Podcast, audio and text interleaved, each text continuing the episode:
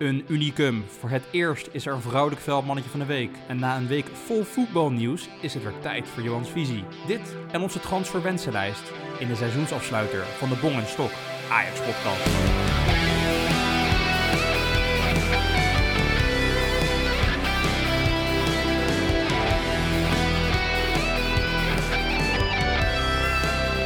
Luisteraars, het is weer de allerlaatste aflevering van seizoen 1 van de Bongenstok Ajax podcast. Het is weer enorm snel gegaan. Om even een leuk uh, ja, verjaardagscadeautje, afsluitingscadeautje te geven. Abonneer je even op de podcast. Uh, vertel het je vrienden hoe leuk wij zijn. Um, doe dat via Spotify, Apple Podcast of waar je podcast ook uh, beluistert. Ja, Stok, ben je een beetje emotioneel zo op uh, deze bijzondere dag, de laatste aflevering van seizoen 1? Ja, toch wel moet ik zeggen, Bong. Ik bedoel, 31 afleveringen. Wie had dat toch gedacht? Uh, ja, wanneer zijn we eigenlijk begonnen? Aan het begin van, uh, van dit seizoen. Dus ja, ik, ja, het is een onderdeel geworden van, van ons hè, eigenlijk. Dus ja, toch wel emotioneel ik kijk ook wel weer uit naar, uh, ook wel naar seizoen 2. Ja, ik kijk ook, moet ik heel erg zeggen, ik ben ook wel uh, blij dat we even een onderbreking hebben in die jaar. Dus dat ik jouw verschrikkelijke hoofd niet zo hoef te zien elke, elke week of elke twee weken. Dus uh, elke, zoals Johan ooit zei, elk nadeel heb, heb zijn voordeel. Ja, nou, ik, ik ben blij dat je het een keer over voetbal kan hebben met mensen die er verstand van hebben, inderdaad. Dat is ook wel eens een keer fijn. ah, Oké, okay, stok. Maar alle gekheid op een, op een stokje. Hoe, gaat het ermee? Hoe is het, uh, het leven in Ierland? Uh, is het alweer een beetje zomer of regent het daar? Ja, we hebben echt fantastische dagen achter de rug. Ik ben een beetje verbrand, dus dat is ook echt een wonder hier in Ierland. En uh, ja, daar buiten bongen, het leven gaat weer een beetje, ja, eigenlijk weer richting normaal. de winkels zijn hier weer open. En ik mag over twee weken naar de kapper. Ik heb een weekendje weggeboekt. Dus uh, ja, Bong, uh, laat die zomer maar komen eigenlijk. Ja, lekker hè. Ik heb ook het gevoel dat het leven gewoon echt weer terug naar normaal is. Het is zo, je kan gewoon weer, ja, soms moet je wachten, maar gewoon random de stad ingaan en een terrasje pakken. Daar kan je toch niet voor reserveren buiten. Maar ik, ik wou net aan jou gaan vragen, Bong. We hebben het al een paar keer gehad over het feit dat jij ontzettend veel zin hebt om naar een terrasje te gaan. Is het jou gelukt om te reserveren en daar werk op het terrasje te zitten? Zeker, zeker, zeker. Ik moet erg tot mijn grote schaamte zeggen dat dag 1 is het mij niet uh, gelukt op ons favoriete terras te zitten in Amsterdam Stok. Daar kon je niet reserveren. En bij Café de Nel stond echt een rij van hier tot Tokio. En ik had echt heel veel zin in bier. Dus ja, daar heb ik niet op kunnen wachten. Toen ben ik gewoon uh, de stad afgestruind en gewoon op random terrasjes zijn we, zijn we gaan zitten de hele dag door. Maar het was van twee uur in de, in de middag tot, tot middernacht heb ik in, ja, in buiten gezeten. Het was een heerlijke dag ook, 1 juni. Het was een vrijdag natuurlijk ook, de tweede Pinksterdag.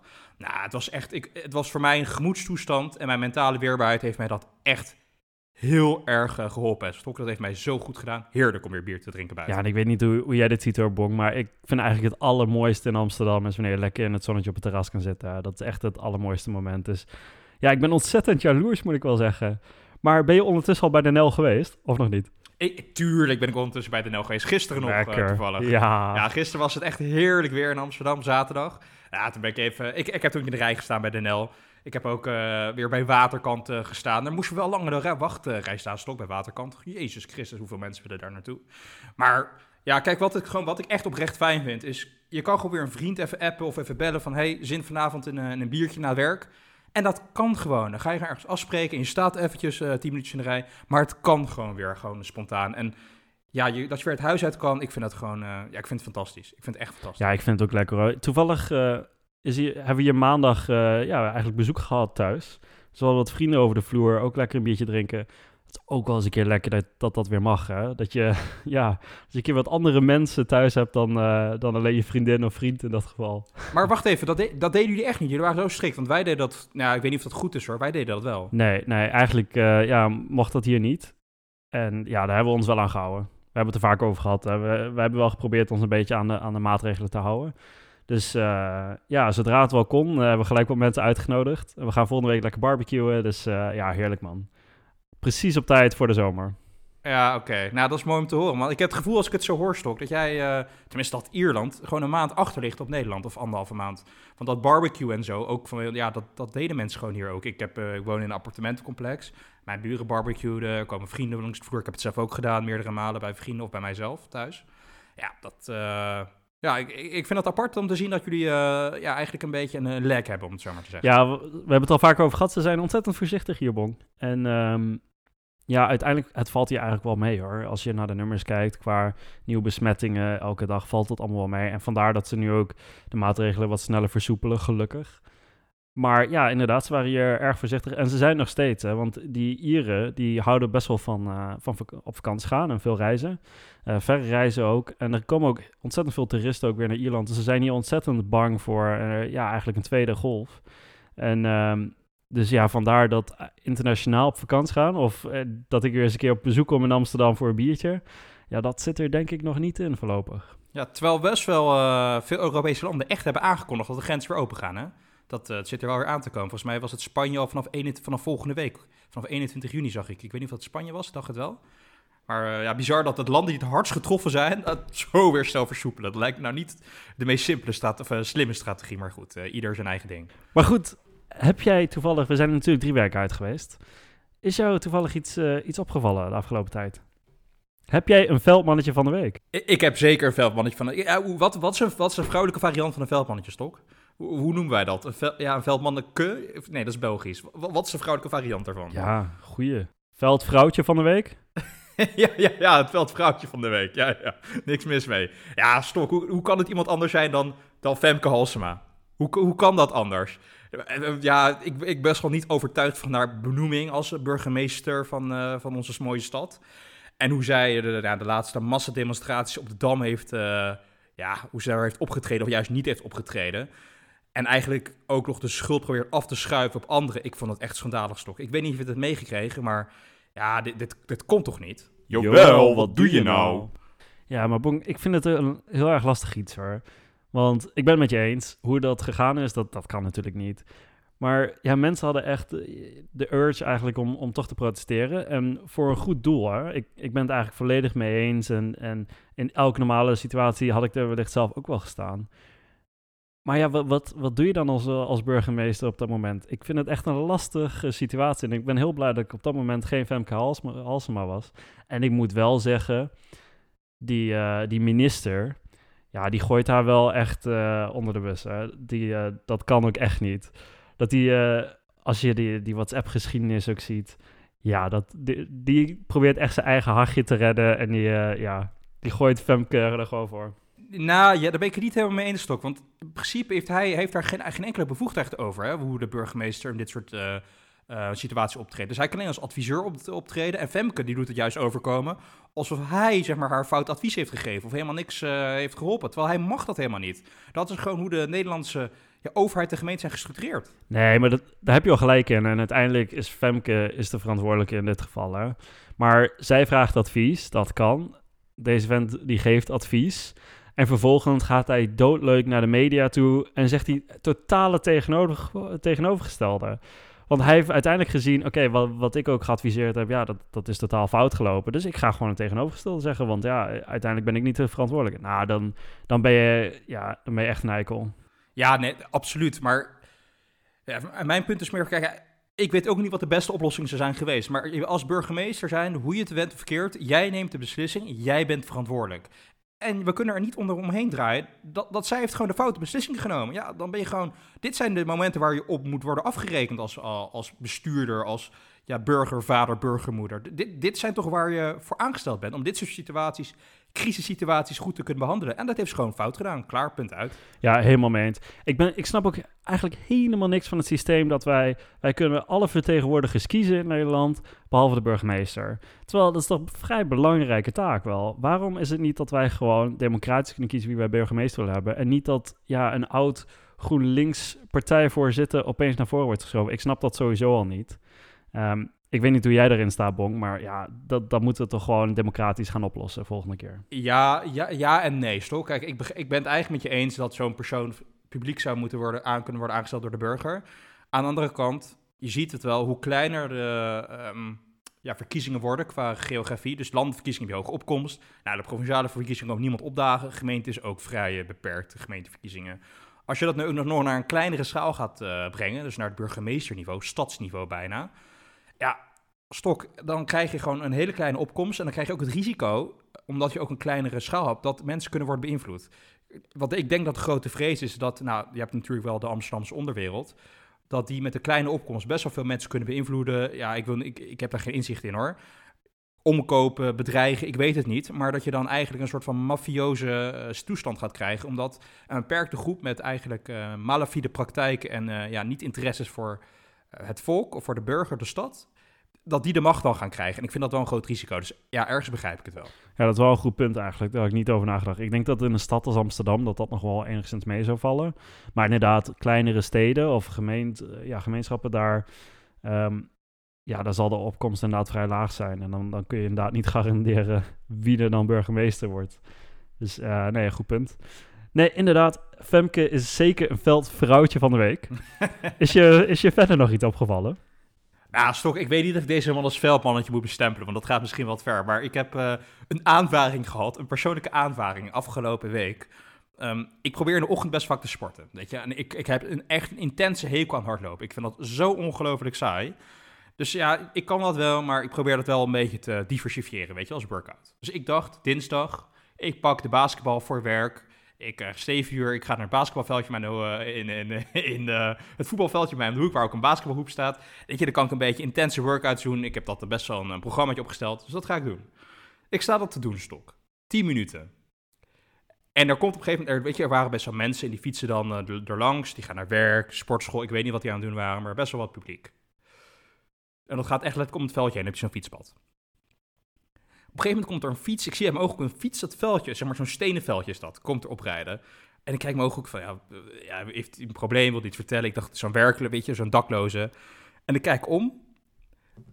Uit mijn oog, en ik zie daar een man in, uh, hoe zeg je dat, van die open klompen, weet je wel. Niet echt klompen, maar een soort van bierkenstoks, maar dat je er alleen met je tenen, een soort van rare slippers, weet je wel. Die boerenslippers, ken je dat? Ja. Ja, ja, en een badjas. en dan zeg maar zo. Alleen een badjas en die schoenen. En op een fiets met een van die uh, kranten. Weet je waar je krant in uh, versleept als je ze gaat bezorgen. Op de achterbak. Die komt naast mij. Die gaat, die gaat naast mij staan. En die begint tegen mij te schreeuwen, stok. Nou, dat kon echt niet. En wat schreeuwde die nou ja, dan? En, ja, ja, die zat echt. Uh, die ging helemaal over de rooien. Want ja, maar ik begreep, ik begreep niet. Ik begreep nog steeds het verhaal niet helemaal. Maar het kwam erop neer dat het te vroeg was voor hem. Dat hij zich elke avond de dood ergerde aan alle jongeren die zeg maar, op dat veldje aan het voetballen waren. Dat mag dan volgens de gemeente, staat zijn plaket op, tot tien uur. Daarna moet het stilstaan, fair enough. Maar hij zei, ik woon hier om de hoek. Dus ik hoor dat en ik word helemaal gek van die kutkinders de hele tijd. Dus die, ging helemaal, die, was, die was zo gefrustreerd. En hij zei van, jij dat mag niet voor tien uur. Dus ik van, nou, pardon, uh, waar, kom, waar komt u daar nou weer mee vandaan? Ik probeerde die situatie nog te deescaleren. Dat bord stond helemaal geen, geen begintijd, weet je wel. Dat stond helemaal niet. Dus ik van, uh, ja, uh, meneer, waar haalt u dat vandaan? Ja, vanaf 8 uur, 7 uur staat geen enkele indicatie. Dus volgens mij heeft u geen enkel recht om mij hier weg te sturen. Maar ik dacht heel eerlijk gezegd, die man is niet goed bij zijn hoofd. Ik laat het gaan. Ik, ik zeg tegen die man, ja, goed, ik ga even hardlopen. Dan doen we een andere workout zonder bal, zodat u niet gestoord wordt. Maar die man fietst weg en uh, ik zag echt, ik dacht een badjas, klompen, zo'n tas. Dat is echt, dat is gewoon iemand die niet helemaal lekker is, weet je wel. Ik wacht echt letterlijk vijf minuten. Ik, daarna ga ik, pak die bal weer op, ik speel weer vijf minuutjes. En voor je het weet, staat, die man komt echt over de rode. komt hij weer terug. en dus ik van, ja, wat moet ik hier nou mee? Ja, wat moet ik nou? Dus ja, ik zeg tegen iemand, ja, uh, sorry, maar volgens mij heb ik hier gewoon mijn recht om hier te basketballen, om, om met een bal gewoon uh, te sporten. Ik weet niet of vandaan had, kunnen we iemand van de gemeente bellen? Ik, ja, en ik had geen zin om die man met die man uh, de volgende dag weer, er, zeg maar, of de, die, die, die ochtend nog helemaal gesprek te gaan. Dat, die, dat eerste gesprek had een kwartier geduurd. Tenminste, een gesprek, hij schreeuwend, ik probeer een beetje het op te lossen. En in zijn ogen natuurlijk een goed gesprek zeg ik van ja, maar ik kom hier dus wel. Het was ook, ik kom daar ook wel vaker, Stok. Maar dit was de eerste keer dat hij mij uh, erop betrapte dat het heel vroeg was. Dus ik zei van ja, hoe kunnen we dit nou oplossen, meneer? Want er op dat bordje staat geen begintijd. Ja, dus ik zei van ja, we kunnen volgende keer, kunnen wij, als ik hier weer ben, 7 uur, want dit is mijn normale tijd als ik ga sporten voor werk. Ik kan niet later gaan, want dan, moet ik, dan ben ik achter mijn laptop. Ja, um, kunnen we niet iemand van de, de, zal ik de gemeenteregels er weer bij halen, anders kunnen we van de gemeente erbij halen als u het echt een probleem vindt. Ja, ik wil het graag verduidelijken. Nou, die, wordt die gast helemaal gek. Ja, de gemeente, Femke Halsema, ja, die kunnen helemaal niks. Dat kan, dat kan helemaal niet. De mensen zijn allemaal corrupt, vertrouw ik niet in. Volgende keer praten wij niet wie er ook bij is. Volgende keer praat ik met mijn vuisten. Nou, ja ik ben gewoon tijdens zijn ochtendsportenstok fysiek bedreigd. Nou... Echt, ik, ik, wist niet wat me overkwam. Echt te bizar voor woorden. Echt te bizar. De leuke wijk woon je in, Bong. Klinkt eh, lekker vriendelijk. Ja. Ja, ja. ik dacht dat ik was gewoon een normale wijk in Amsterdam. Dus mijn eerste keer dat me overkomt. Er kwamen features ook in die ochtend die stopten. Want ja, die man was tegen mij aan het schreeuwen. ik werd gewoon een publiek. Dat was echt niet te doen. Maar ja, goed, de vraag is, ben je daarna nog terug geweest? Ben je daarna nog Ja, ja, ja, ja. gaan sporten? nou ja, niet met basketbal. Maar ik dacht van, ik doe dat ook niet. Ik probeer het af te wisselen. Dat je een dagje hardlopen, een dagje iets anders. Maar ik dacht, ik verander mijn hardlooproute. En dan ga ik op dezelfde tijdstip ga ik eromheen hardlopen. En die man dat kwam dus zeg maar... Even, hij, hij, fietste ook helemaal niet langs, maar hij kwam wel even met zijn hoofd zo even om de hoek steken om te checken of er iemand niet met een bal eh, aan het spelen was. Nou, ik heb dus nu echt een, een aardsvijandstok in de buurt. Dat is echt eh, ongehoord. Ik heb nog nooit iets meegemaakt. Maar de- echt bizar. Maar deze vent, het is ook niet alsof hij wakker wordt van je dan of zo, hè? Want hij fietst gewoon nog steeds langs. Hij is aan het patrouilleren eigenlijk, hè? Dus ja, dat, Ja. dat is nog het erge. Waar stoort die man zich aan?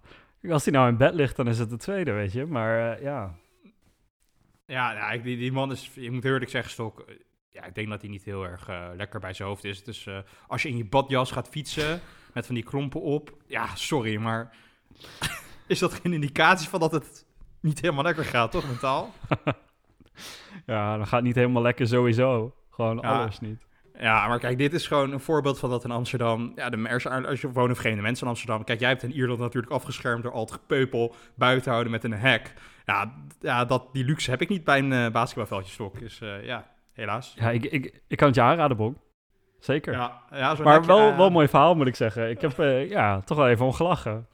Ja, jij wel. Ik ben nog steeds doodsbenauwd voor die vent. Want ja, voor hetzelfde geld, die heeft volgens mij niks te doen. Staat, staat hij voor mijn deur en gooit hij me eruit in, weet ik veel. Dat zie ik zomaar gebeuren. Maar goed, dat Mooi. was eh, mijn nieuwtje van, eh, van deze week. Geen veldmannetje, maar een nieuwtje. Er zijn deze week ook heel veel eigenlijk sportgerelateerde nieuwtjes geweest, toch? De afgelopen week. Het was eh, verbazingwekkend genoeg, was er heel veel nieuws. Dus ja, veel random nieuwtjes. Het lijkt me weer tijd voor een van onze favoriete segmenten die al een hele tijd afwezig is geweest. Johans visiestok. Wij moeten maar eens eh, een paar vochtige meningen gaan uiten over onderwerpen.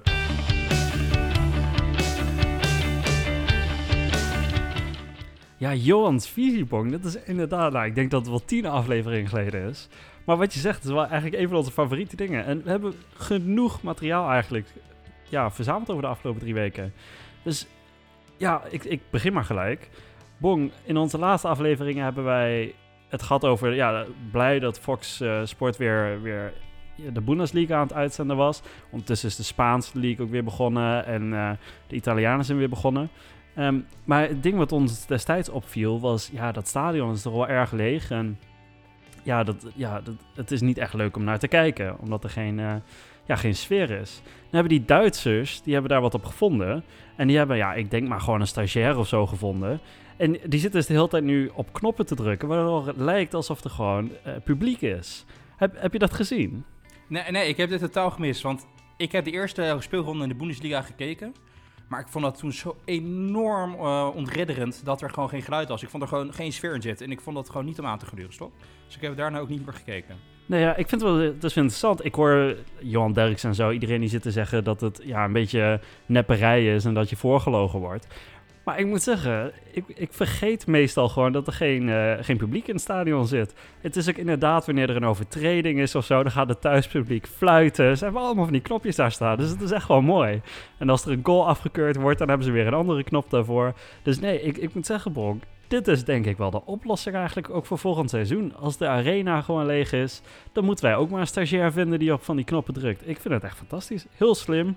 En ik hoop zeker dat Fox Sport dat, eh, dat, dat ook doet eh, met Eredivisie. Nou ja, aanrader voor Fox Sports, je hebt het gehoord, eh, naar de, gewoon ook doen in de, in de eredivisie. Waar ik natuurlijk wel op wacht, Stok, is de eerste blooper. Weet je wel, dat iemand een fout, eh, een, fout geluidje heeft, weet je. Dat iemand per ongeluk een porno geluid erin heeft gezet. en dat op zo'n knop drukt en dat het doorheen komt. Dat, dat, dat, dat gaat gewoon gebeuren. Maar, maar ze, ja, ze, ze hebben nog niet helemaal uitgevonden. Dus het gebeurt nog wel eens dat je de eerste vijf minuten geen geluid hebt. En die commentatoren die zitten daar dan ook. En die horen dat dan ook niet. En dan opeens hoor je echt een enorm geluid komen van de zogenaamd van de tribunes. Dus eh, ja, nee, ze, ze moeten nog een beetje ermee spelen. Maar ik vind het zeker, eh, zeker wel, eh, wel iets goeds. En uh, ja, dat moeten ze volgend Oké. seizoen ook mee doen. Maar nu we weten dat Fox Sports toch naar de Bong en Stok Ajax podcast luistert, dan uh, komt dat denk ik wel weer helemaal goed. Dat denk ik ook wel. Dat denk ik ook wel. Dan, uh, ja, als we dan specifiek weer naar Ajax gaan. Ajax heeft afgelopen week het nieuwe tenue laten zien. Gepresenteerd. En ehm, heb je hem gezien? Ik heb het zeker gezien, Stok. En ik, mijn eerste reactie was, ik schrok me echt de pleuris. Uh, eerst toen ik het zag, dacht ik, wat is dit ongelooflijk lelijk. Ik vond het ja. echt spuug en spuug lelijk. Echt heel erg. Had jij dat ook? Ja, ik zag het en ik dacht, nou, nou dat kan ze niet. Welke idioot heeft dit nou weer bedacht? Maar ja, tot mijn grote verbazing waren de reacties eigenlijk ontzettend positief. Nou ja, ik moet heel eerlijk zeggen, Kijk, vergeleken met alle ook lelijke uitshirts die we al, wat hebben we gehad? We hebben, we hebben diarreebruin gehad de afgelopen tijd. We hebben, zeg maar, uh, kots, uh, kotsgroen gehad. En, en neonkleuren. Ja, en, wat is het roze met, met zwart? Ja, ik vind het wel wat anders. En ik, daar, ik was namelijk van die neonkleuren en dat soort hele lelijke kleuren was ik geen fan. En ik vind het, zeg maar, het wel iets anders. Het is, kijk, het is niet mijn persoonlijke voorkeur, maar het is wel iets artistieks. En dat vind ik wel iets van waar Amsterdam voor staat. En, en, en in die zin kan ik het begrijpen. Ik zou het zelf nooit kopen, maar ik ben er niet principieel op tegen. Nee, en het doet een beetje denken aan een oud uh, Nederlands elftal shirtje. Daar, dat doet een beetje aan denken. Het is natuurlijk niet oranje, maar ja, hoe dat eruit ziet, daar doet een beetje aan denken. Was dat niet het EK 88, dat shirt waar ze in wonnen? Zeker, ja, ja. zeker. Ja, dus daar, daar doet het een beetje aan denken. Um, ja, wat je zegt, ik ben wel blij dat ze van dat... Van, uh, ja, de vorige shirts afgestapt zijn. Hè. Ze hebben heel veel donkere kleuren gehad, ook zwart en zo. Nou ja, goed, dat, dat had ook niet uh, mijn voorkeur. Dit is wel artistiek en ja, het, het gaat als een tierenlier blijkbaar. Blijkbaar was het al gelijk uitverkocht de eerste dag. Dus ja, blijkbaar vinden mensen het ontzettend mooi. Ja. Um, ik vond het uh, gewaagd, laat ik het uh, zo noemen. Nou ja, over gewaagd gesproken. Ajax heeft hier een enorm risico uh, aan, een juridisch risico aan dit uitshirt geplakt. Want het schijnt de reinste plagi plagiaat te zijn. Hè? Hebben ze gewoon gekopieerd, dit shirt kennelijk, van een andere een amateurvereniging. En die zitten, ja, die zitten nu te klagen dat Ajax gewoon echt letterlijk het, maar, kopie gemaakt heeft van hun shirt. En uh, dat, dit kan Is niet. dat zo? Ja, ja, en dat ze juridische stappen gaan ondernemen. dus uh, je weet het waaruit. Heeft natuurlijk nul kan. Ah, maar goed. Dat, uh, ik, ik denk dat Adidas uh, genoeg geld heeft om dat aan te vechten, denk je niet? Dat denk ik ook wel. Dat denk ik ook wel, ja. Wat, wat ik ook nog een laatste puntje over het uitshirt heb, uh, trouwens. ik weet niet of je Donny hebt gezien. Donny in die, in die fotoshoot. Ja, ja, ja, dat viel mij ook op, ja. En, en de reactie... Ja, maar heb je ook gezien hoe Donny en, en Daly met elkaar ja, heen en weer aan het uh, ahoeren waren op Twitter. Nee, nee, die banter heb ik even gemist. Wat, wat zeiden ze? Ja, dus uh, Ajax had die, die foto geplaatst op Twitter of zo, of op Instagram, weet ik veel. En uh, toen had Daly, want ja, Donny, die, ja, het zag er gewoon uit alsof hij haar niet gedaan had. Ja, toch? klopt. Of zijn, zijn nieuwe koep. Ja. En toen had Daly, die had eronder gereageerd... Uh, hey, Donny, is je gel op vandaag? en toen, toen reageerde Donny weer van... Ja, dat gebeurt wel eens als je haar hebt. Ja, daar, daar weet jij natuurlijk niks van. Maar ja, ik er wel. Oh, oh, dus zo ging dat een beetje heen en weer. Ja, ja ik heb er wel om moeten lachen. Ja, nou, da daar wil hij wel een scherp punt. Want Daly die heeft natuurlijk over twee jaar gewoon uh, haarimplants nodig. Zoals Dick Advocaat dat heeft, hè. Die, die wordt snel kaal. Ja, precies. Ja, nou, die, die moet maar eens gaan praten met uh, de broertjes uh, de boer. Ja, nou, die wordt wel echt oud, uh, Daly. Heel snel ook. hey, maar um, als we het toch al over Donny hebben... Donny was ook een paar keer in het nieuws deze week, hè? Nou hij is een paar keer het nieuws geweest, toch? Dus uh, misschien even, waar, waar duik je nu op uh, deze keer? Ja, inderdaad, meerdere dingen. Kijk, we, die hele transfer-saga, die is al, al jarenlang eigenlijk aan de gang met Real Madrid. En uh, ja, nu toch wel de concrete interesse van Manchester United, die geprobeerd even te halen. Dus dat vind ik al iets interessants. Ik ben benieuwd wat jij ervan vindt. Maar daarnaast is het natuurlijk ook zo, wat er in de, in de media kwam dat de zaakwaarnemer van Donny dat gebruikt heeft, naar Real Madrid is gegaan en gezegd heeft: Ja, jongens, jullie moeten ons ja, Donny nu kopen, anders is het te laat. En dat Real Madrid vervolgens heeft gezegd: Nou ja, uh, wij wachten gewoon nog lekker, dus uh, gaan we lekker naar United dan. Dus twee dingen, Bong. Denk jij dat Donny naar United moet? En ten tweede, moet Donny niet op een gegeven moment gewoon een enorme dikke vinger hebben naar Real Madrid ondertussen? Um, om je eerste vraag te beantwoorden, United op dit moment nee. Ik vind het qua, zeg maar, qua speelstijl en qua traditie en een competitie een club waar hij zou passen. Maar dan tien jaar geleden, toen Ferguson daar nog aan het roer was. Zeg maar, onder een goede trainer, een stabiel beleid. met een ervaren selectie waar hij kan worden meegetrokken. Want het is gewoon, het is gewoon Donny is geen leider. maar het is geen vocale leider zoals Matthijs Dicht. Hij heeft ervaren spelers om zich heen nodig die hem kunnen optrekken op, op dat gebied. Dus op dit moment is United niet de ideale situatie. Ik zou dan liever hem nog steeds, dat heb ik, heb ik al een paar podcasts gezegd, zou ik hem bij Liverpool zien. Uh, Wijnaldum staat nu echt op het punt daar te vertrekken volgens de laatste berichtgeving. Ze hebben daar een nieuwe dynamische box-to-box middenvelder nodig. Ja, ik zie Donny gewoon daar naartoe gaan. Dat zie ik nog steeds gebeuren. Maar op jouw tweede punt, ja, ik vind dat we op dat moment zo toch zijn aanbeland. Ik bedoel, Donny moet gewoon een middenvinger opsteken aan Madrid. Hij is daar toch geen prioriteit. Hij komt daar binnen niet als een grote meneer, als een tweede keuze eigenlijk. Waarom zou je er nog willen? Je weet dat je dat dan speelt hij misschien twee jaar, komt een nieuwe trainer. Um, is hij weg. En misschien speelt hij daar al niet, want Zidane is ook niet, is ook niet de voorkeur en de prioriteit van Zidane uh, klaarblijkelijk, toch? Nee, kijk, dit, dit, doet me een beetje denken aan zo'n slechte relatie waar iemand gewoon aan het lijntje wordt gehouden. Ja, dan, dan moet je op een gegeven moment moet je dat lijntje gewoon doorknippen hoor. Ja, nou, precies. Precies, ja. Ik, ik zie daar geen enkele toekomst in uh, bij Donny bij Madrid. Het is ook gewoon niet de competitie, het is niet zijn speelstijl. Hij is geen Galactico. Het is het gewoon niet voor hem, klaar. Nee, en inderdaad, hij moet lekker naar een dynamisch elftal gaan. Een Liverpool, dat is wel erg hoog gegrepen voor hem. Maar in, in principe ben ik het helemaal mee eens. Ik denk dat hij goed bij het spelletje van Klopp zou passen. Maar ook de Duitse competitie kan hij goed, uh, zou hij goed kunnen hoor. Uh, ik denk een, een Dortmund met dat hele snelle dynamische voetbal, maar ja, toch ook een paar andere clubs daar. Ik denk dat hij daar veel beter past dan bij, uh, bij Madrid. Ja, maar Stok, we hoeven niet helemaal op Donny in te gaan. Maar ja, ik vind echt oprecht in Duitsland geen enkele club groter dan Ajax, behalve misschien Bayern München. Ik vind Dortmund, dat is, uh, ja, hoe lang zijn die geen kampioen geweest, joh? Ik weet dat een grote club Acht is, hoor. jaar. Ja, ik weet dat het echt een, echt grote club is in Duitsland, maar qua statuur in Europa is het geen grotere club dan Ajax. Is het gewoon niet. Nee, dat is ook wel, uh, dat is ook wel zo. Ja, ja, ondanks dat het niet gevoetbal werd, Bong, er was nog, uh, ja, eigenlijk nog wel twee nieuwsitems die naar voren kwamen. Ten eerste, we hebben het er vaak over gehad. Gravenberg, en gaat hij nou bijtekenen ja of nee? Gaat Raiola hem alsnog naar Italië brengen of uh, doet Gravenberg gewoon wat hij moet doen en bijtekenen bij Ajax? En gelukkig, Bong, heeft hij deze week bijgetekend. Ja, daar ben ik persoonlijk heel erg blij mee. Maar het was wel even een, uh, een achtbaan. Hè? Van, uh, het was een paar weken geleden, tussen onze laatste podcast en deze, kwamen echt berichtgevingen naar buiten. Nou, wij hebben nog daarover geappt. Dat hij echt op weg leek naar Lazio of naar een andere Italiaanse club. Dat Raiola daar echt mee bezig was. En nu heeft hij uiteindelijk toch bijgetekend bij Ajax. Waar ik heel blij mee ben. Maar ik, ik zag dat echt tot het moment dat dat werd aangekondigd niet aankomen. Jawel? Ja, maar denk je dat die Raiola dat niet gewoon expres doet? Dat, uh, om, omdat die zogenaamde interesse van Lazio, dat daardoor Gravenberg gewoon nog een ton per jaar erbij krijgt.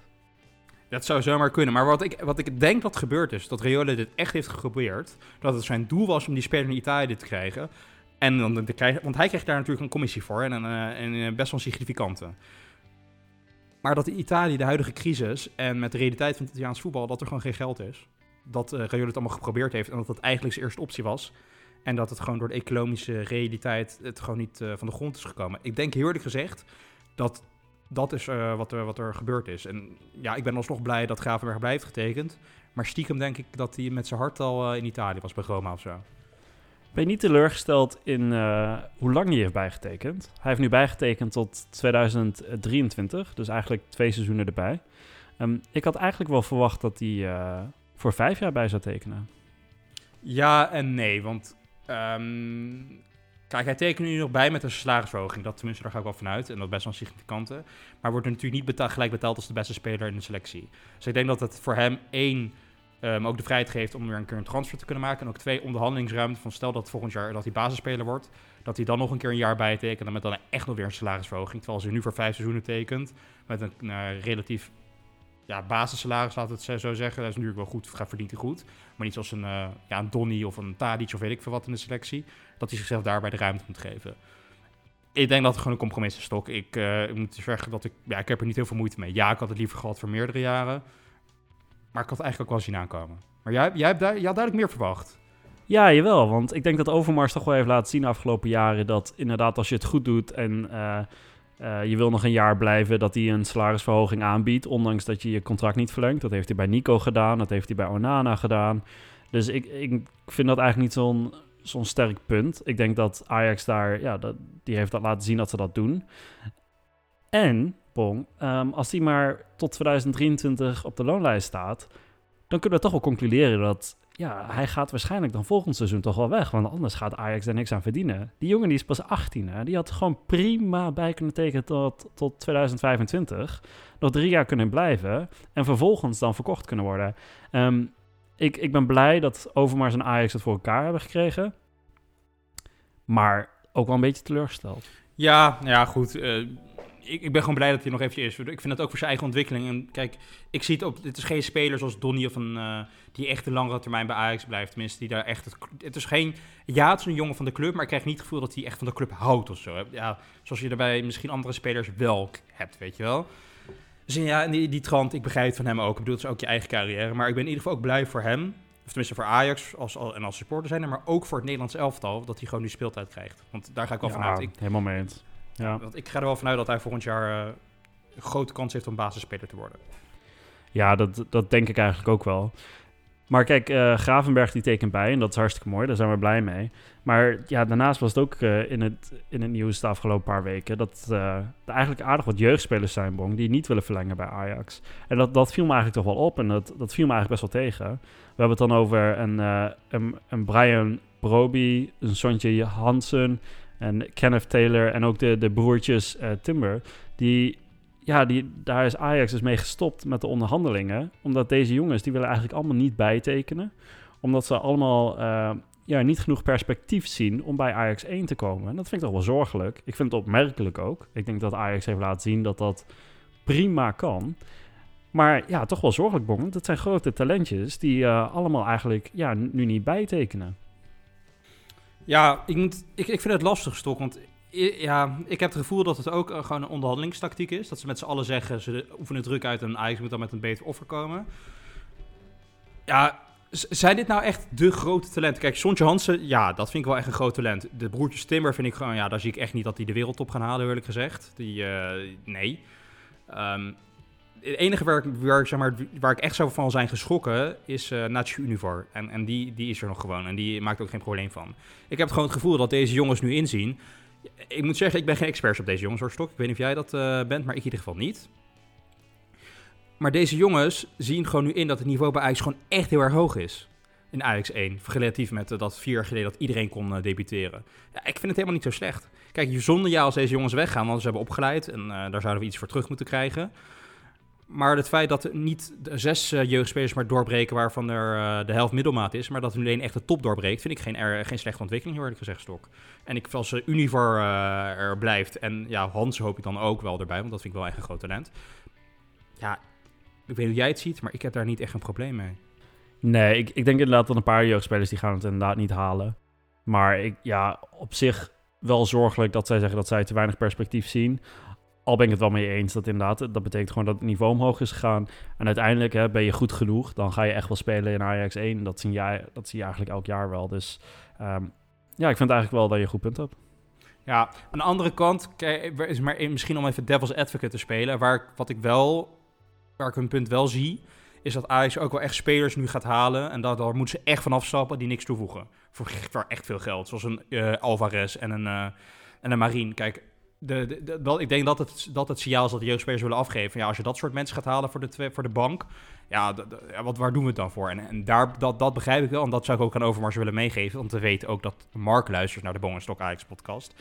Ja, Mark, denk wel even ook aan de lange termijn. Dit behaal echt spelers die van toegevoegde waarde zijn. En niet uh, van dit soort uh, ja, bankwarmers zoals uh, Marine en, en Alvarez. Want daar hebben we niks aan.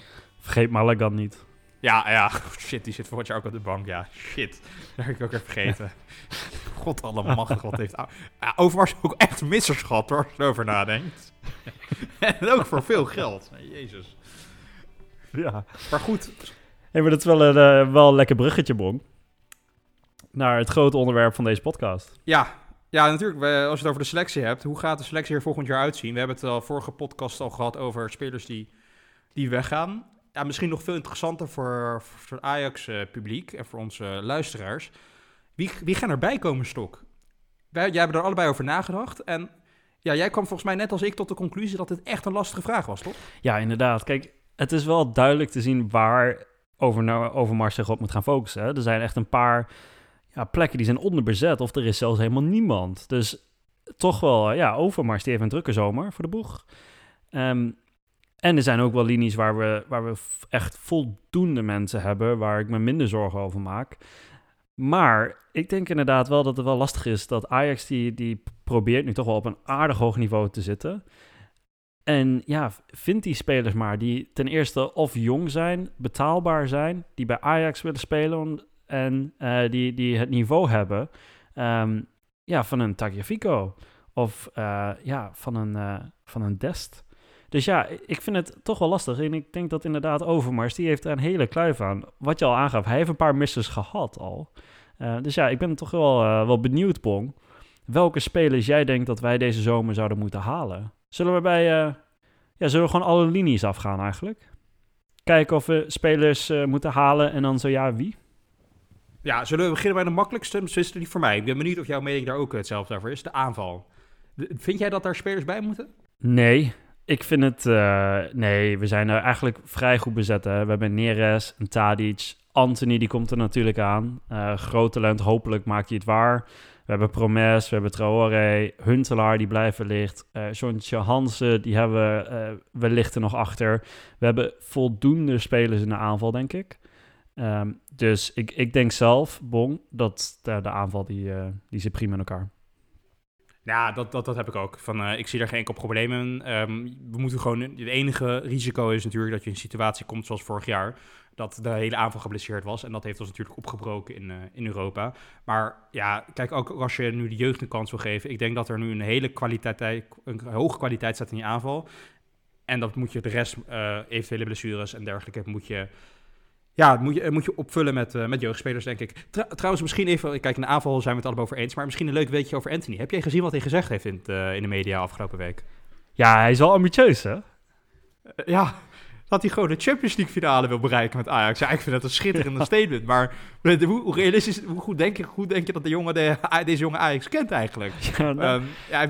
Nee, maar als, je kijkt naar, naar het interviewbon, dan geeft hij wel aan van ja, maar Ajax heeft het al vaker gewonnen. En we hebben gezien dat het kan hè, in uh, vorig seizoen. Dus ja, ja ik, ik denk dat hij wel... Uh, ja, hij is ambitieus, optimistisch misschien ook wel. Ja, ik vond het wel een dingetje hoor. Het, het, is ook niet zeg maar een doel, dat zou ik graag willen. Het is ook het belangrijkste doel dat ik genoteerd heb, is het spelen van de Champions League finale met Ajax. Ik dacht van nou, misschien een droom of wat dan ook, weet je wel. Maar ja, ja. goed. Deze jongen heeft ambitie. Dat, uh, dat kan je hem niet ont ontzeggen. Laten we beginnen met overwinteren. Ja, precies. Uh, maar ik, ik vind het wel mooi dat deze jongen daarover nadenkt, weet je wel? Dat hij ambitie heeft. Ja, hij, hij, heeft ambitie. Maar goed, hij moet het eerst nog even waarmaken. Want ik kan me ook nog hele mooie teksten van Alvarez herinneren toen hij kwam. En tot nu toe heeft hij niks toegevoegd. Dus ja, la, laten we het zien. Ik vind, als we het toch over de aanval hebben, Bong. Ik vind het wel opvallend eigenlijk dat alle geruchten die ik voorbij zie komen de afgelopen paar weken, gaat eigenlijk altijd wel over het feit dat Ajax interesse heeft in aanvallers. Dus onlangs was er weer... Uh, een gerucht dat Ajax in de markt is voor Jonathan David, een 20-jarige Canadees van, uh, van Gent. En dan denk ik, ja, is dit nou gewoon de media die, ja, die moeten ook af en toe wat schrijven? Of denk je nou echt dat Ajax gewoon nog steeds op zoek is naar, naar aanvallers? Nee, ik denk dat het echt geruchtenmakerij is. Dat dit gewoon uh, zo'n geruchten zijn die door zaakwaarnemers de, de wereld in worden geholpen. Want kijk, Overmars is echt geen idioot Kijk, buiten het feit dat hij inderdaad echt idiote aankoop heeft gedaan. Hij koopt elk jaar wel aan voor wat er nodig is. Hè. Hij koopt niet uh, een, een, een, tweede eerste keeper zolang Onana er staat. Hij koopt niet een tweede Ziyech zolang Ziyech er is. Kijk, zo, zo, slim is Overmars wel. Daar, ja, moet ik ook zeggen, ik geloof in die aanvalsgeruchten geloof ik gewoon echt niet. Uh, helemaal niet. Nee, dat neem ik met een hele grote korrels uit. Het middenveldstok, want daar, ja, dit, daar, dat was toch wel een breek, breekpuntje geweest voor Ajax het afgelopen seizoen ik zou het raar vinden als jij zegt, daar hebben we geen uh, behoefte aan nieuwe spelers. Nee, ja, ik, ik denk dat het middenveld echt een probleem is. Het is al het zorgenkindje van eigenlijk het hele seizoen al. En ja, ik zie daar geen verbetering in komen. Alle aankopen die zijn gefaald. En Alvarez is uh, gefaald daar. Uh, Marini is gefaald. En Ten Hag heeft gewoon ontzettend veel moeite om daar gewoon een, een vast team samen te stellen. Sinds, sinds het suc successeizoen. En ik denk dat Eiting uh, ja, dat is toch wel Ten Hag's lievelingetje. Die, die is helaas gewoon nog niet goed genoeg. Goed genoeg. En uh, ja, dus ik, ik denk dat dat, dat is wel echt een zorgkindje, Bong. En ik, ik denk dat daar uh, toch wel het meeste aandacht van Overmars nodig is. Ja, nee, daar ben ik, daar ben ik helemaal met je eens. het is ook e-, één qua echt qua kwaliteit niet goed genoeg en ook qua breedte niet goed genoeg. Want als iemand weg, als een Donny wegviel... Kijk, vorig jaar zie je op 10, dat, dat- jij was er heel erg fan van, maar in je ideale opstelling, als je echt Europa ogen, wil gooien, ehm, ja, dan is dat, eh, is dat er niet. Ehm, misschien om eentje maar snel even uit de weg te ruimen, Stok. Kijk, Ajax heeft natuurlijk veel succes geboekt de afgelopen paar jaar door spelers met wat ervaring, met een eredivisieverleden, terug te halen naar, eh, naar Nederland en naar Ajax eh, specifiek. Een gerucht dat maar niet weg wil gaan is, is Davy Klaassen. Moet Ajax dat willen eigenlijk? Ik heb toevallig eh, Davy Klaassen gisteren zien spelen, Werder Bremen. En dat was, eh, dat was wel de degradatiekraker. Hè? Dus we hebben het wel echt eh, over een niveau. Nou ja, of Ajax dat nou na moet streven, ja of nee, dat is de vraag. Maar wat ik dan wel interessant vind, Bong, is ehm Davy Klaassen is wat dat betreft niet veranderd. Ehm, we hebben wel eens bijvoorbeeld een speler als Siem de Jong, hè, die, die amper aan het voetballen kwam. En ja, die, die is gewoon kwalitatief veel minder geworden.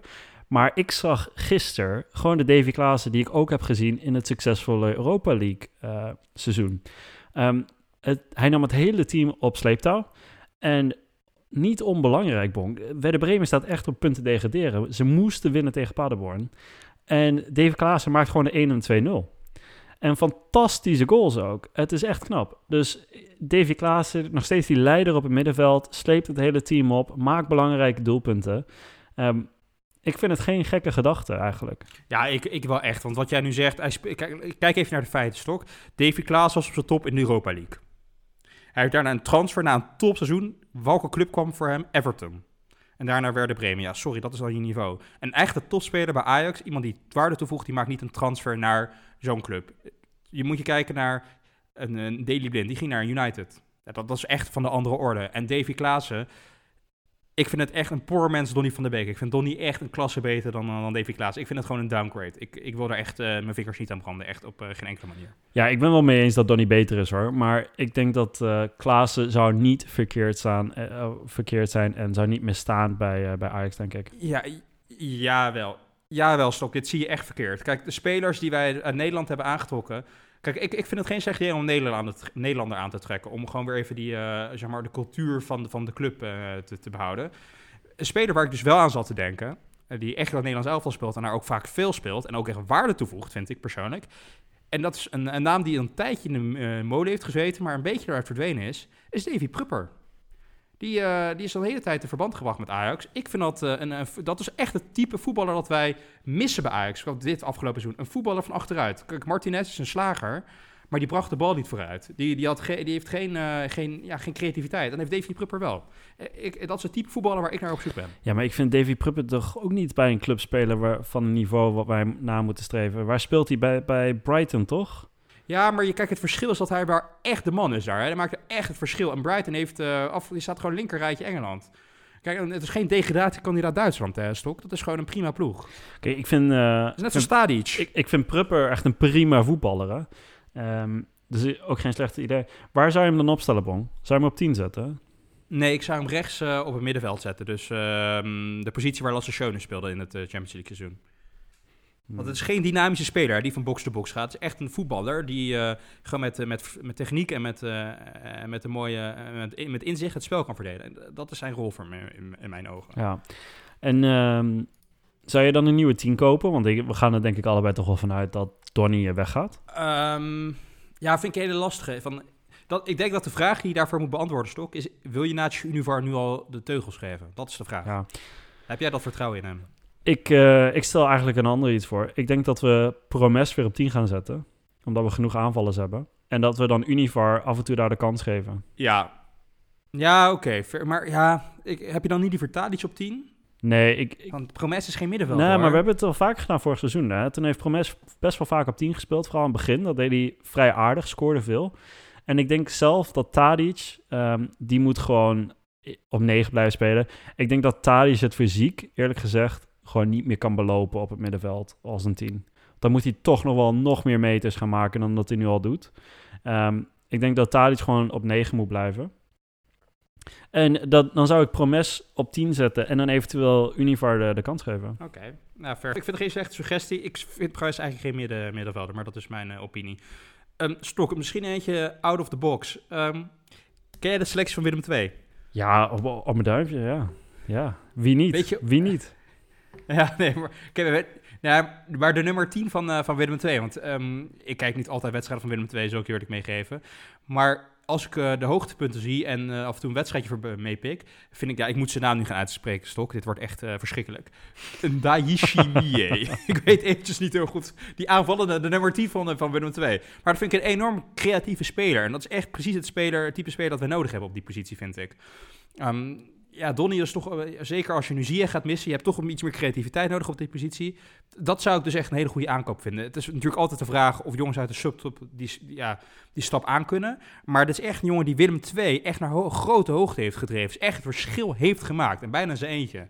Uh, ik zie dat die toekomst voor die jongen heel positief in. Ik weet niet of dat nu de onbetwiste sterspeler van Ajax gaat worden binnen 1, 2 jaar.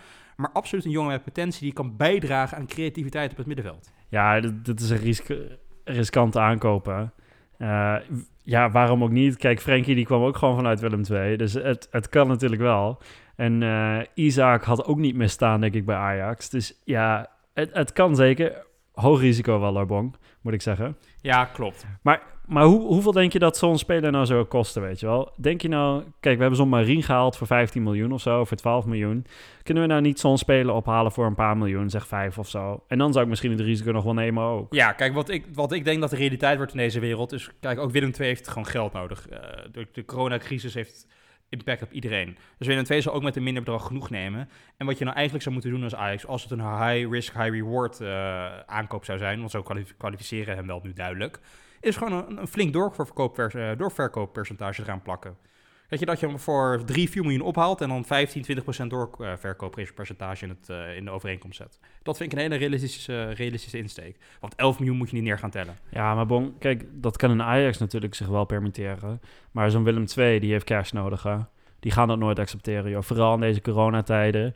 Die gaan, uh, ja, die gaan er denk ik niet mee akkoord. Nee, maar Stok, welke club gaat meer te, neertellen voor deze jongen in, in deze markt? Ja, dat zie ik ook niet zo tegen gebeuren hoor. Zeg maar de clubs die hem nu zouden kunnen ophalen, een Southampton, ja, dat gaat het ook niet worden in deze tijden, weet je wel. Dus ik, vind het, ik denk dat er onderhandelingsruimte is. Maar buiten het feit dat het realistisch is, wat, wat, denk jij daarvan? Zo, zou dat, eh, is dat een jongen die jij hebt gezien, die jij denkt die past bij de club? Ik heb hem sporadisch gezien. Uh, ik ben uh, geen echte Willem II-volger, moet ik eerlijk zeggen. Dus ik zie Willem II voornamelijk als ze tegen Ajax spelen. Um, potentie. Maar ja, groot vraagteken. Ik zou dus zelf bijvoorbeeld bij dit soort spelers, Bong, zou ik een bepaald uh, maximumbedrag uh, nemen. Weet ik veel hoeveel dat zou zijn, een paar miljoen. En kun je hem daarvoor kopen, dan kun je het risico nemen.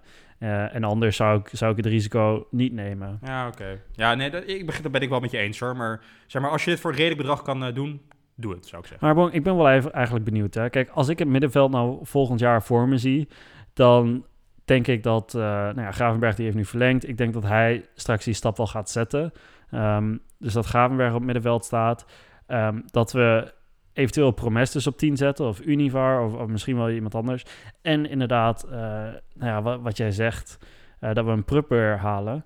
Um, wat denk je van, van zo'n soort middenveld? Of denk je dat we toch nog gewoon weer ja, een nieuwe soort nummer 6 nodig hebben? Ja, dat vind ik een lastige vraag. Dat is de manier van spelen natuurlijk. Kijk, als je, je hebt sowieso creativiteit nodig. En als je Promes op 10 zet, heb je die creativiteit niet stok. Dus dan heb je een meer voetballende middenvelder nodig vanuit um, de nummer 6 positie. Zo'n type als een Schöne of een Frenkie, weet je wel, die we die hebben gehad.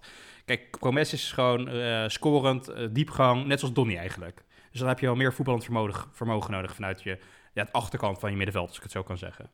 Dus, eh, zeg maar, daar, daar, ligt aan. Als je nummer 10 een creatieve speler is, kan je met twee iets meer lopers spelen, laat ik het zo zeggen. Met werkers, zoals een Gravenberg en een, ja, ja, laten we zeggen, een Martinez.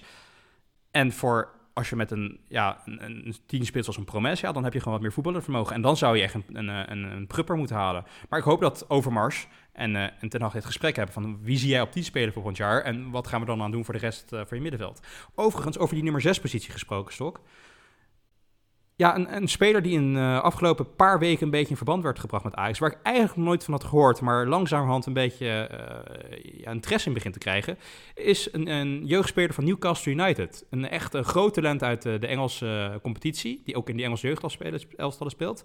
Buiten de woordgrappen, Longstaff. Heb je er wel eens van gehoord? nee, Bonk, dat is fake news. Dat kan niet. Zo'n naam kan gewoon niet. ja, ja, ja. Ja, ik moet even goed zeggen, want er zijn, het zijn dus broers. Allebei in de jeugd bij Newcastle. Eentje speelt dan het eerste elftal, maar dat is hem niet. Dus je hebt Matthew en Sean Longstaff. Eentje is ehm, wat ouder. De ander is wat jonger. Volgens mij is Sean, of nee, Matthew is de jongste. Die eh, is echt een van de, staat bestemd als een van de grootste talenten in, ehm, in Engeland. Maar je ziet dus net zoals, eh, ja, wat je zegt, Ajax jeugdspelers wat minder perspectief ziet. Nou, Newcastle is dus net overgenomen door een miljardair. En die eh, gaan enorm veel spelers halen. En hij ziet gewoon geen perspectief in het eerste elftal. En hij ziet dat in Engeland überhaupt niet.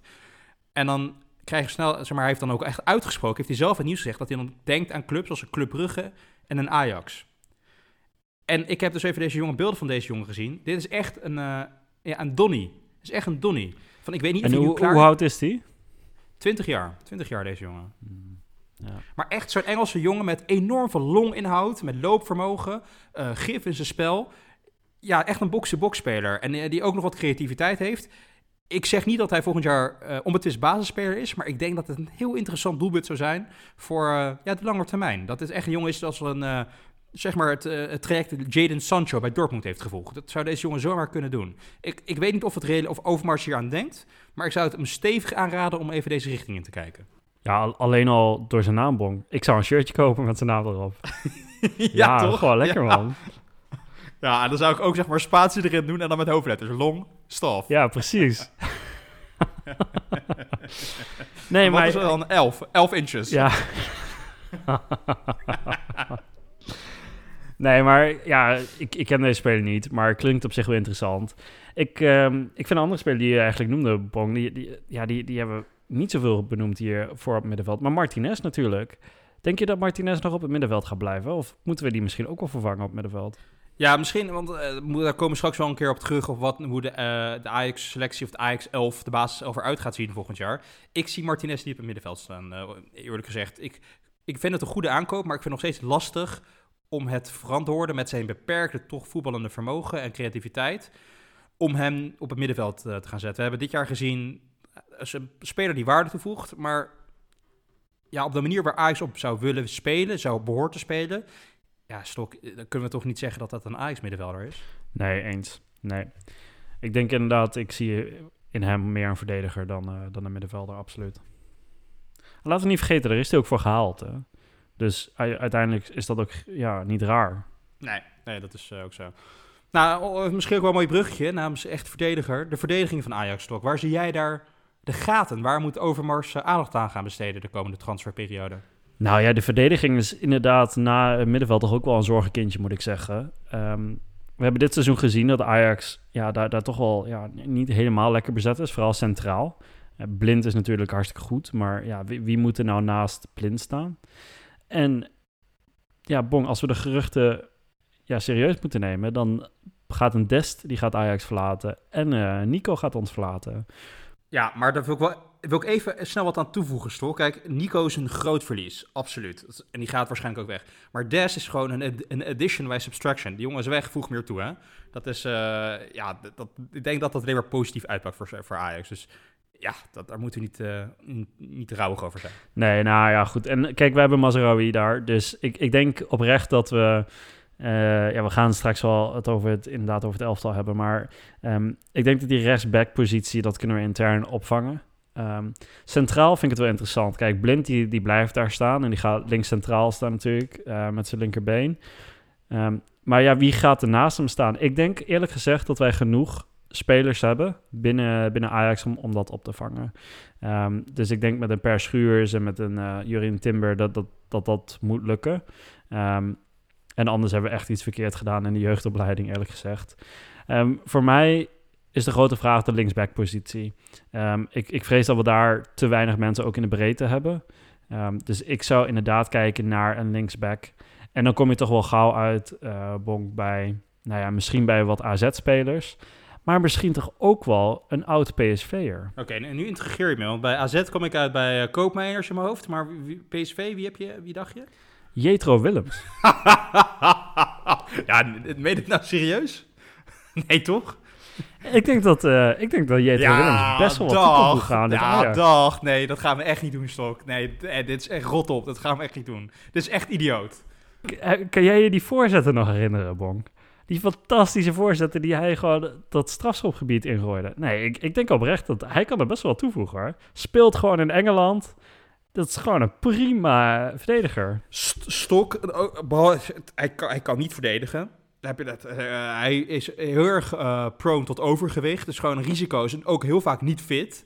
Eet elke dag 16 frikandellen voor mijn gevoel. Ja, dat het straalt geen professionalisme uit. Plus, de enige kwaliteit die hij heeft, voorzetten. Daar hebben wij niks aan, Stok. Wie kopt er bij ons? Niemand. Tadic kan echt niet koppen. Die kan echt niet koppen. Ja, maar Promes die loopt daar gewoon tegenaan. We, we hebben gewoon iemand nodig, Bong, die weer een voorzet kan geven. Ziyech is weg. En wie gaat dan die bal geven waar Promes tegenaan kan lopen? Ja, dat moet dan maar Jetro Willems zijn. Ja, nee, dat, ik vind het, ik, ga ik echt totaal niet in mee. Dit, ik veroordeel dit echt ten zeerste, Stok. Van, ik, ik, ik, ben- luisteraars, excuus. Ik weet dat Stok af en toe een biertje drinkt voor, voor de podcast, maar dat hij dronken dit soort dingen doet, dat kan ik... eh, ja, sorry, daar is ook voor te opletten. De- deze jongen die heeft ervaring opgedaan hè, bij PSV destijds, in Engeland, nu bij Newcastle zit hij geloof ik. Eh, is 26 jaar, eh, heeft in Nederland zelf al gespeeld. Ik denk dat dit, dit is sowieso wel het overwegen waard.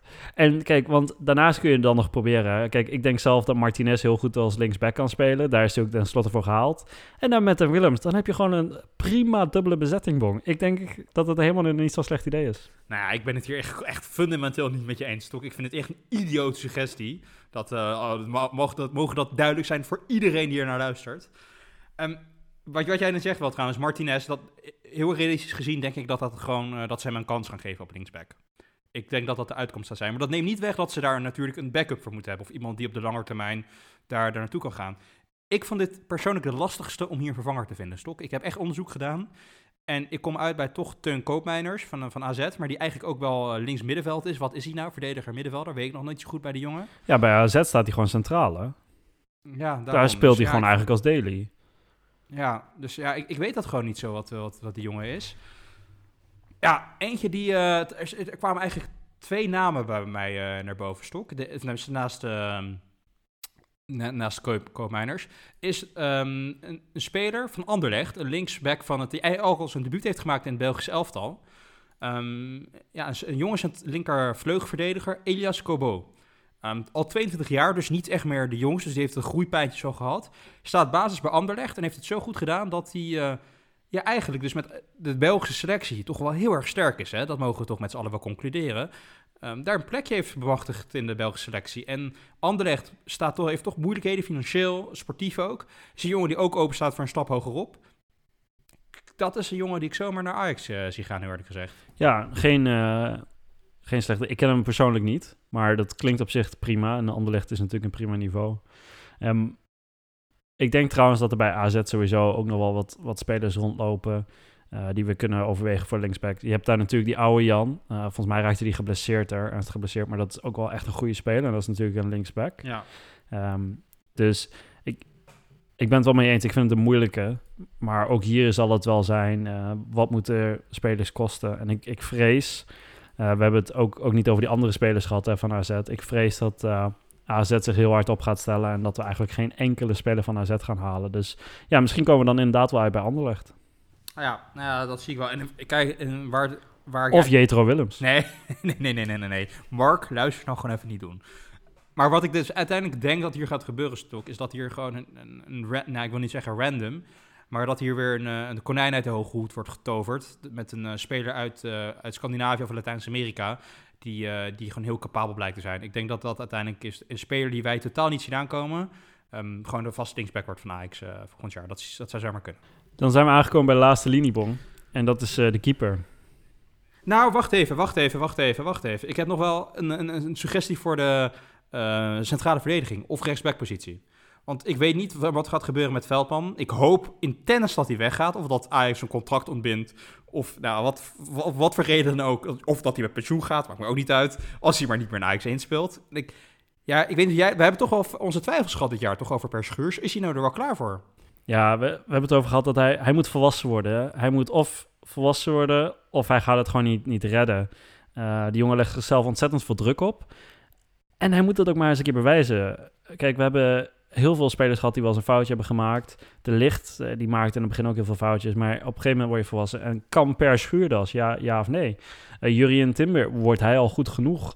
Of is hij toch echt gewoon te klein? Want hij, laten we eerlijk wezen, hij is gewoon een kabouter. Dus kan hij überhaupt wel centraal achterin?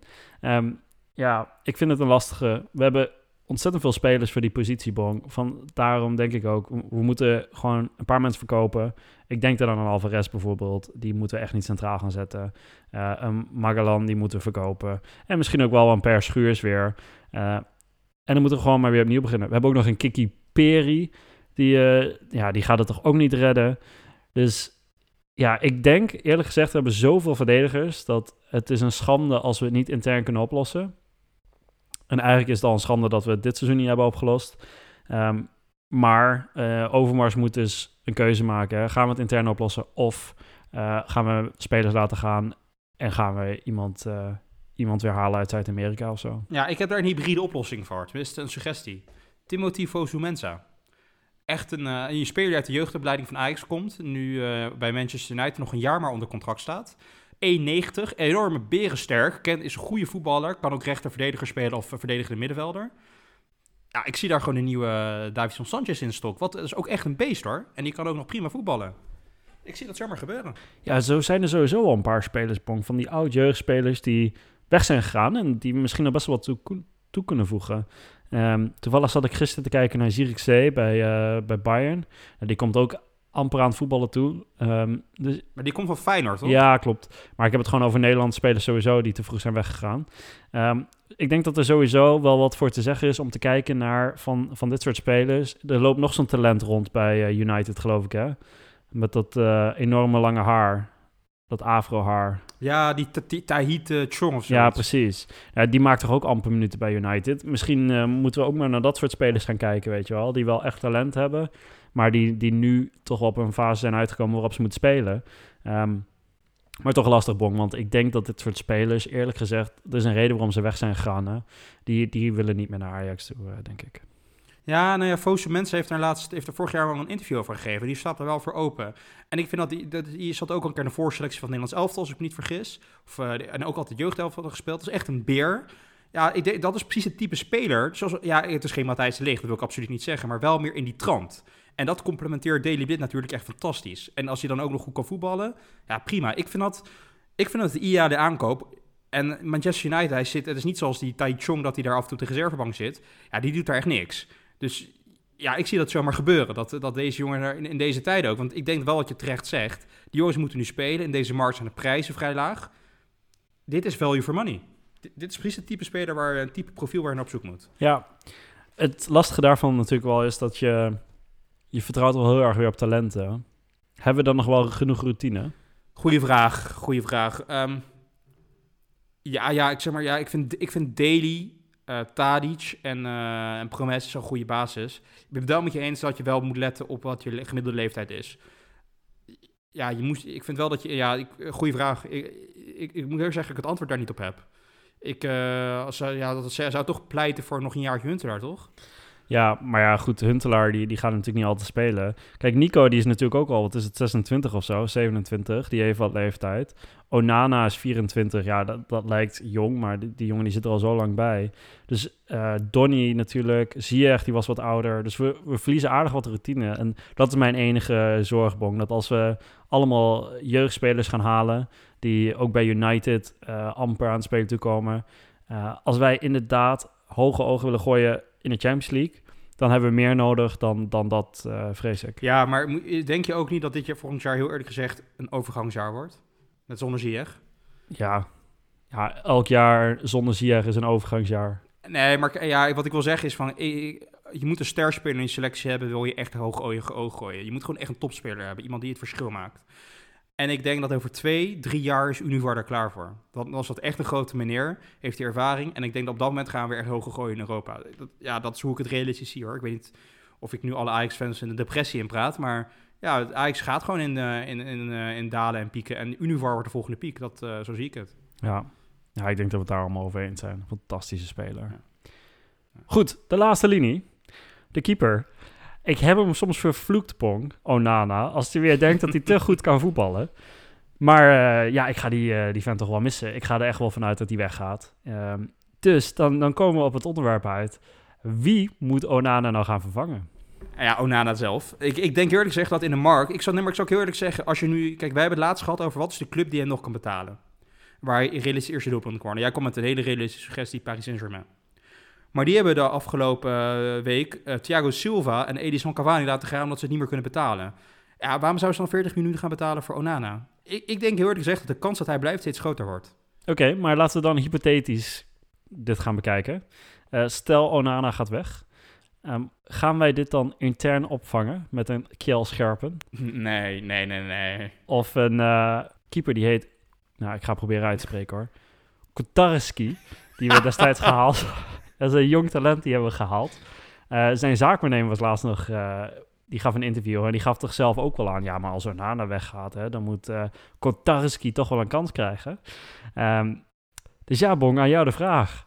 Gaan wij over naar Kotarski of Scherpen? Of toch maar gewoon een bizot? Um, nou, we gaan sowieso niet naar de jeugdspelers, want die zijn gewoon echt niet goed genoeg. Dat, dat, is, dat is het gewoon echt niet. Daar moeten we gewoon, uh, nee, daar moeten we gewoon niet meer aan willen denken. Ik moet eerlijk zeggen, Keel Scherpen, dat, dat is altijd een project geweest. Dat zou over twee jaar nog kunnen. Want laten we eerlijk zijn, keepers zijn vaak, zoals een Van der Sar, op oudere leeftijd op hun best. Dus ja, ik vind het niet gek als een keeper voor zijn 25ste niet doorbreekt. Kijk, de echte toptalenten wel, maar er zijn ook echt gewoon keepers die gewoon lange tijd nodig hebben om volwassen te worden. Maar ze zijn nu nog niet klaar. Daar zijn we toch allebei over eens, toch? Eens, ja. Ja. In Bizot vind ik, eh, ja, ik vind dat een middenweg. Want dat is een keeper waar je geen last van hebt, maar die het ook niet het verschil gaat maken. Dus zeg maar, dat is een dus die koop je, daar heb je nut van. Die ga je niet verkopen voor een grotere prijs. Dat is gewoon een nuttige keeper. Zou je, zou je kunnen overwegen als jij zegt van, we hebben gewoon even een tussenpauze nodig, zodat Keel Scherpen uh, zich kan ontwikkelen. Prima, moet je dat doen. Dat, dat kan een oplossing zijn.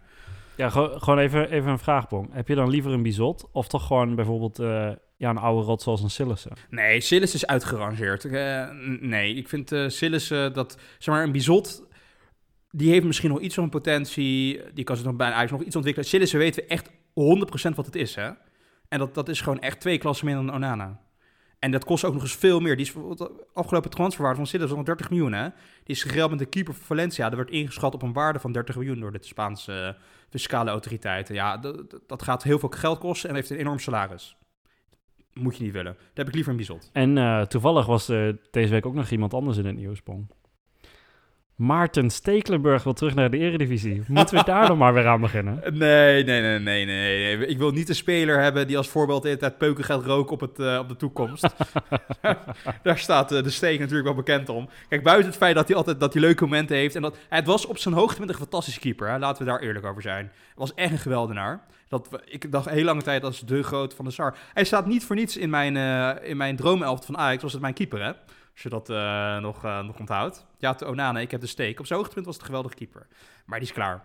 Dus Everton was de derde keeper stok. Dat gaat toch niet bij Ajax 1 in, in het eerste nee, staan? Nee, dat denk ik ook niet. Maar, maar aan wie denk jij dan wel? Nou, ik, ik, keepers zijn niet mijn specialiteit. Kijk, het profiel waar ik naar op zoek ben, zou het liefst zijn een atletische keeper, zeg maar, met goede reflexen. Dat is toch, die, die aan de bal oké is, zeg maar, een goede lijnkeeper. Die gewoon echt met reflexen uh, en aardig aan de bal is, maar die is nog wel ja, een beetje rauwe diamant. Weet je, echt een atleet, zoals Onana dat ook was. Want we kennen jij, even eerlijk, kende jij Onana voordat Ajax hem haalde?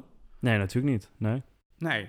Maar dat was echt, dat, dat type profiel ben ik een beetje naar op zoek. Weet je, een keeper met potentie, die echt de atletische, pure vermogen heeft, katachtige reflexen.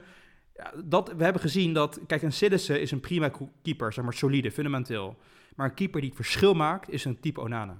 En daar ben ik naar op zoek. Maar vergeet je dan niet het allerbelangrijkste voor het Ajax-spelletje. Je moet een, je moet een voetballende keeper hebben. Ja, maar wat is nou voetballende keeperstok? Ja, kan, hij heeft toch niet zeggen, hij moet gewoon een klasse beter zijn dan Varela. Maar Sillis komt er ook prima voetballen. En dat is ook geen wereldster. Nee, dat is ook wel zo. Ja.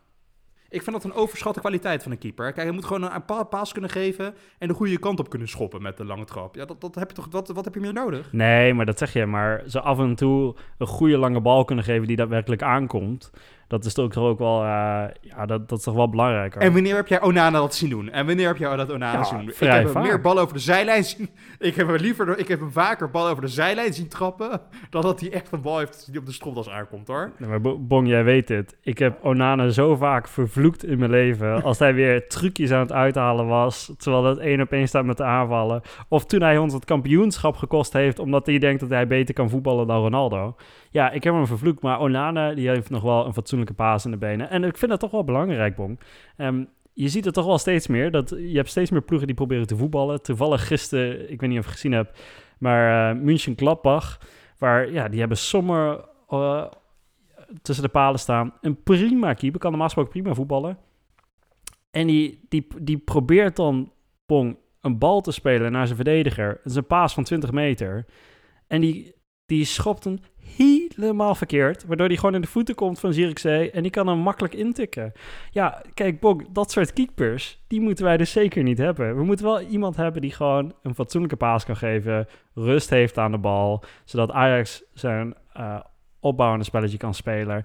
En eigenlijk een soort van een man meer kan creëren. Ik zeg niet dat het een, uh, een Neuer moet zijn of een Ter Stegen.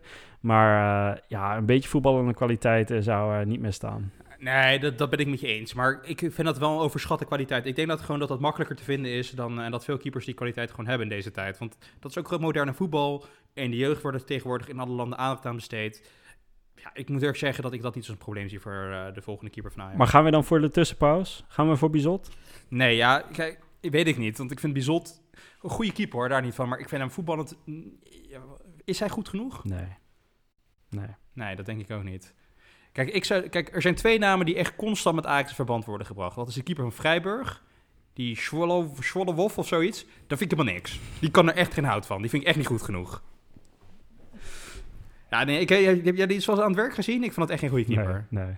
nee die kan er heel weinig van. ja, ik begrijp echt niet waar dat gerucht van, uh, vandaan komt. Ja, sorry hoor, maar uh, nee, dat, uh, dat moeten we niet, niet doen. En er wordt ook een Belgische keeper met Ajax verband gebracht. En daar zie ik dus wel meer muziek in. Hendrik van Krombrugge. Dat schijnt echt een prima keeper te zijn. Lang, spreekt de Nederlandse taal, is toch makkelijk qua communicatie om te integreren. Um, keeper bij een topclub, dus kan ook met druk omgaan. Kijk, die Zwolle Wolf, die speelt bij Freiburg. Ja, die speelt uh, voor de middenmoot. Dit is een keeper die echt, uh, ja, zo'n topclub in België, Anderlecht. Ja, die, die moet daar gewoon echt uh, onder druk presteren. Kan prima voetbal, heeft atletisch vermogen. Het enige wat tegen spreekt is dat hij wat te ouder is. Maar als we toch hebben, wat je net zei, over ervaring, is dat niet zo'n slecht idee, vind ik.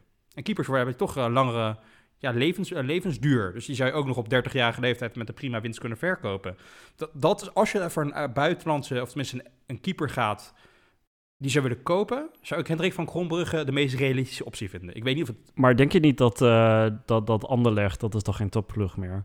Sinds Company dacht dat hij kan voetballen en kan coachen tegelijkertijd, is dat toch eigenlijk helemaal niks nee, meer? Ja, nee, absoluut qua sportief gebied niet. Maar hij steekt wel met kop en schouders bovenuit. En maar dat neemt niet weg dat in een periode dat Ajax is ook zeven jaar niet kampioen geworden. Werden we ook uh, vierde wel eens een keer, volgens mij zijn we een keer vijftig geworden zelfs, toch? In, uh, in zo'n periode. Dat was echt uh, schandalig. Toen was Ajax stond er ook onder immense druk. En daar gaat het mij om meer. Dat je in, die, in, in een atmosfeer van nieuwscycle, iedereen die iets van je wilt weten, dat er constant over je wordt geschreven, dat je daarmee kan omgaan. En deze keeper heeft er gewoon al ervaring mee. En ja, ja dat, dat vind ik, dat, dat, daar is, dat is zeg maar meer de, de link die ik zoek. Nou, Mark, uh, na 30 minuten hebben we je nu wel alle ideeën gegeven. Hè? Dus uh, ja, Mark kan aan de slag. Um, ja, Bon, dan uh, komen we al bijna aan het eind van, van onze allerlaatste podcast van seizoen 1. Um, we dachten dat het misschien toch nog wel aardig was om dan eens een, een, ja, te af, af te sluiten met een weddenschap. Zullen wij eens een weddenschap hebben over het eerste elftal, dus ja, de, de startende elf van de eerste wedstrijd van de Eredivisie van Ajax. Dus wie staat er in de basis? Ja, waar wedden we dan op, Stok? Want is dat als wij weer elkaar kunnen zien na coronatijd... dat degene daarna de rekening betaalt? Want de vorige keer was hij 250 euro, hè? weet je dat nog? ja, dat weet ik nog. ja, dat waren aardig wat bitterballen, kan ik je vertellen. ja, nou ja, goed. Dan uh, waarom houden we het niet op, uh, ja. op een paar bitterballetjes? Is goed, is goed. Uh, de luisteraars zijn een beetje teleurgesteld in onze lafheid qua, qua inzet, maar... Een, een, een, een middagje bij, bij Café de Nel. Ja, oké. Okay, dus dat, dat gaat wel snel richting de 300 euro, lieve luisteraars. ja, nee, is, is goed. Stok, ja, wil je het elftal per elftal doen of wil je het linie per linie doen? Wat, wat is je insteek? linie per linie, ja. Trap jij hem af? Ik trap hem af. Ja, ik, uh, ik ga als keeper. Um, kijk, je, je moet af en toe wat risico's nemen in het leven, Bong. Ik denk dat Ajax nog geen keeper gekocht heeft. En dat uh, Kotarski, mijn nieuwe favoriet, die, uh, die staat er gewoon in hoor. Ja, die begint. Ja. Oké, okay, nou da daar ben ik het dus al uh, niet mee eens. Kijk, ik, die aankopen die ik in mijn hoofd heb, zie ik gewoon, zou zomaar kunnen gebeuren. Maar gezien de marktsituatie, ik eh, gebruik mijn economische achtergrond, zie ik Onana blijven. Of tenminste, die gaat niet vroeg weg in de transferperiode. Dat zal laat gebeuren als ze meer zekerheid hebben over de economische situatie. Dus eh, ik zie Onana gewoon nog in de eerste wedstrijd op, eh, op goal staan. Ja, en vooral in september. Ik bedoel, die transfermarkt is open tot oktober. Dus ik, eigenlijk ben ik het wel met je eens, Pong. Maar uh, ja, Kotarski is zo'n leuke naam. af en toe moet je risico's nemen in het leven. Ja, fair enough. Dan gaan we naar de verdediging. Ik, uh, ik denk dat Masraoui, die gaat rechts, uh, rechtsback spelen. Die, die blijft. En uh, Des, die gaat weg. Ik denk centraal, ja, jammer voor jou, Bong. Ik vrees, met grote vrezen, dat Veldman rechts centraal gaat staan. Dat Daly links centraal staat. En ja, als linksback denk ik dus Martinez. Nou, dan kunnen we heel kort over zijn. Dit is exact ehm, de verdediging die ik voor ogen heb. ik hoop dat Veldman weggaat, maar... Ja, het is, het, het, het, het is uh, hoe zeg je dat? Wat, wat is er? Een vrat of iets dat altijd blijft plakken. Weet je wel? dat is Joel Veldman. Die krijg je gewoon niet verwijderd. Het komt altijd terug. Eczeem. ja, dus Joel staat in, uh, ja, nog helaas in de basis, vrees ik. Uh, herpes. Ja, ja. ja herpes. Ja, Joel, Joel herpes. goed, we gaan naar het middenveld. Ja, echt een probleem voor Ten Hag, maar Ten Hag gaat het niet oplossen. Um, ik ga eigenlijk voor het middenveld, wat we, wat we vandaag gesproken hebben. Ik denk dat, uh, ja, misschien uh, Prupper dat, dat die komt. Gravenberg die gaat spelen en dan Promes op 10. Um, en eventueel als Prupper dan niet komt, ja, dan gaat hij misschien toch maar weer terug naar Martinez. ja, goed. We gaan het zien, maar ik ga er dus vanuit dat Prupper die, die komt en dan Gravenberg en Promes. grappig, ik ga er vanuit dat Donny blijft. Ik zie zeg maar dat hij, hij is gewoon duidelijk niet geïnteresseerd in United. Madrid gaat hem niet halen. Ik denk dat de markt er gewoon niet is waar Ajax wil echt veel geld voor hem krijgen. Ik denk dat hij nog een jaartje moet blijven of een halfjaartje. Dus ik zie Donny gewoon uh, blijven. En dan is mijn enige verandering in de, het middenveld dat jij net schetst, is Donny in plaats van, van Prupper.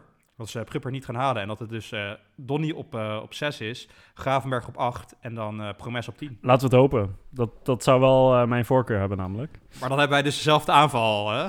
Ja, ja. Nou, die, die aanval die is duidelijk, hè. Dat is Neres, Tadic en, en Anthony dan. Ja, ja, nou, dat, uh, ik, ik vind het wel uh, goed om te zien, Stok, dat, wij, dat, je, dat je eindelijk een keer een beetje voetbalkennis hebt. Dat je een beetje dezelfde opstelling hebt. Dat is goed om te zien. Nou, bong naar 31 afleveringen met jou wabbelen. Uh, ja, dan weet ik ondertussen wel waar jij op gaat wedden. Dus ja. ja. maar maar oké, okay, dus dat, het enige waar wij dus verschil over gaan krijgen... is ik ga ervan uit dat Donny en Onana blijven... en jij gaat uit van twee vervangers. Daar komt het uiteindelijk op neer. Ja, inderdaad. Ja. Dat gaat het uh, verschil maken in onze, in onze weddenschapstok. Nou, wat een... Uh, ja, interessante weddenschap voor onze luisteraars. het gaat dus over, gaan onze sterspelers weg, ja of nee? Nou ja, dan uh, alle luisteraars staan natuurlijk dan aan mijn kant. Ja, nou ja, ik, ik hoop het oprecht ook, Bonk. Ik hoop het oprecht ja, ook. Nou, ik kijk uit naar het, het schaaltje met bitterballenstok. Hey Bong, dit was alweer de laatste aflevering van dit seizoen? Toch wel een emotioneel moment. Wil je nog wat zeggen tegen onze lieve luisteraars die ons eigenlijk het hele seizoen gesteund hebben?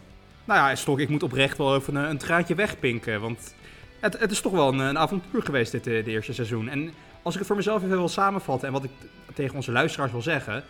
Ik ben vooral echt heel dankbaar voor iedereen die naar ons luistert en ons steunt. Het is oprecht heel erg leuk om te doen. Het is natuurlijk een uh, soort van ja, hobby begonnen. En ik, uh, jij en ik doen, praten altijd over Ajax en we hebben dat een keer besloten op te nemen.